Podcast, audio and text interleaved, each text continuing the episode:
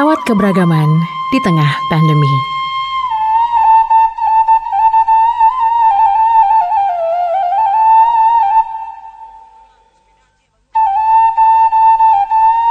Pasien COVID-19 di Sumatera Barat terus menanjak naik sejak Idul Adha kemarin. Sudah 3.300-an orang terkonfirmasi positif dari 126.000 lebih orang yang menjalani tes swab. Kota Padang sudah masuk zona merah. Semua sektor ikut terdampak, seperti sektor pariwisata, hotel-hotel tutup, dan ribuan pekerja dirumahkan. BLT dari pemerintah mulai dari Kemensos, BLT Pemprov Sumbar hingga BLT dari Pemko Padang sudah dikucurkan. Bagaimana warga Padang bertahan di tengah pandemi? Jemaah masjid di Padang Timur berusaha saling berangkulan. Miko Kamal, Ketua Masjid Jihad Perak Padang bercerita selama pandemi jemaah masjid berinisiatif mengumpulkan donasi dari jemaah untuk membantu warga yang terdampak. Tak hanya untuk muslim, tapi juga warga lintas agama yang sudah puluhan tahun tinggal berdampingan di daerah mereka. Masjid Jihad Perak ini memang terkenal dengan berbagai terobosannya, selain program berbagi saat pandemi, menyiapkan nasi bungkus gratis setiap Jumat. Namanya kebutuhan, lalu kemudian bantuan, uh, itu apa melampaui sekat-sekat agama, ras, gitu kan. Jadi sepanjang kita bisa bantu dan orang itu membutuhkan ya, ya kita bantu gitu. Dan apa kalau dari kalau dilihat dari konteks sekarang yang sedang ribut-ribut soal Pancasila, ya kan? Justru kan itu kita mau mem, mem, apa itu itu sesuatu yang membuktikan bahwa uh, itu adalah perbuatan yang sangat pancasila, pan, pancasilais kan? Hmm. tanpa membeda-bedakan uh, apa namanya Komunitas lintas agama yang terdiri dari sejumlah agama bahkan bergerak mengumpulkan sampah plastik untuk dijual dan uangnya untuk membantu warga terdampak secara rutin. Ketua Komunitas Lintas Agama, Ricky Alfiano kita coba bagikan itu sampai dua atau tiga kali lah. Mm-hmm. Terakhir ini kita juga kita kita itu kerjasama juga sama ormas. Uh, mm-hmm. Ada sama PP, ada GP Ansor Kota Padang, kemudian ada KMK UNES. Itu kita ngumpulin sampah, itu untuk sampah itu dijadikan bank sampah, kemudian nanti hasilnya nanti dari sampah ini kita beli kita belikan dari bentuk sembako gitu. Apakah semua warga terdampak secara merata mendapat bantuan? Bagaimana dengan minoritas gender dan seksual di Kota Padang? Reporter Klasi FM berusaha mencari tahu bagaimana pula mereka di tengah pandemi. Ternyata tak gampang mewawancarai minoritas gender dan seksual di Padang. Mulai dari LBH Padang hingga Direktur PKBI Sumbar berusaha memfasilitasi namun tak kunjung mau diwawancarai. Direktur PKBI Sumbar, Unilova mengatakan mereka tak bisa lagi bekerja di salon, hotel, menata rias, dan lainnya. Juga tak bisa mendapatkan BLT karena mencari nafkah di Padang, namun KTP bukan Padang. Untuk membangun trust itu kan sulit dengan orang lain kan, membangun kepercayaan itu kan sulit.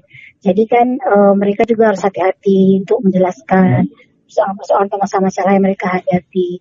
Apalagi diskriminasi itu masih tinggi. Nah intinya kan kenapa kenapa mereka uh, sulit untuk akses ke mereka itu karena diskriminasi dan stigma itu kan masih tinggi buat mereka teman-teman komunitas sulit untuk uh, menyampaikan apa yang mereka inginkan dan apa yang mereka rasakan.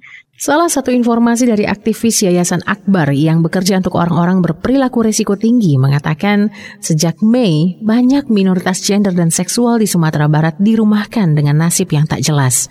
80 persennya adalah perantau. Lagi-lagi mereka memiliki KTP tapi tidak tercatat di domisili sehingga tak dapat BLT hasil yang cukup untuk perusahaan tetapi hmm. dirumahkan dengan tanpa keterangan. Itu membuat kami juga merasa sangat uh, miris sekali melihat kondisi ini. Apakah tidak bisa teman-teman itu untuk masih dipekerjakan dalam oke okay, hmm. konteks mereka tidak bisa digaji penuh tetapi masih bisa dipekerjakan dan hmm. mereka masih mendapatkan penghasilan sih sangat sangat membantu hmm. pada kondisi saat ini gitu. Bagaimana mereka bisa bertahan di tengah pandemi? Ada yang pulang kampung, ada yang masih bertahan dengan uang tabungan, berjualan online, dan lainnya. Bantuan COVID pun baru satu kali mereka terima. Itu pun donor dari luar negeri. Ah, ada yang PHK. Kalau dari Padang itu dari Plaza Andalas, hmm. dari Matahari,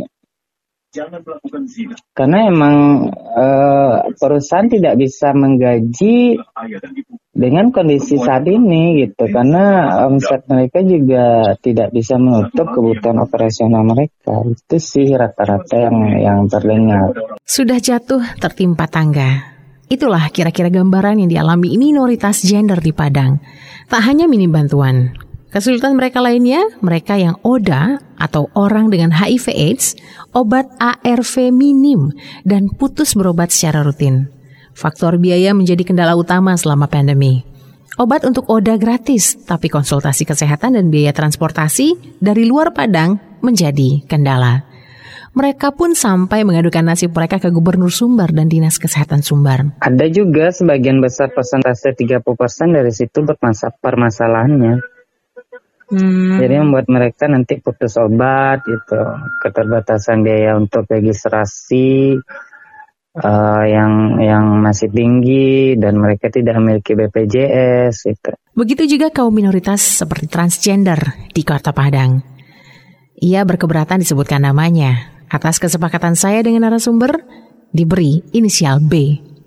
B mewakili kawan-kawannya menceritakan kesulitan di masa pandemi.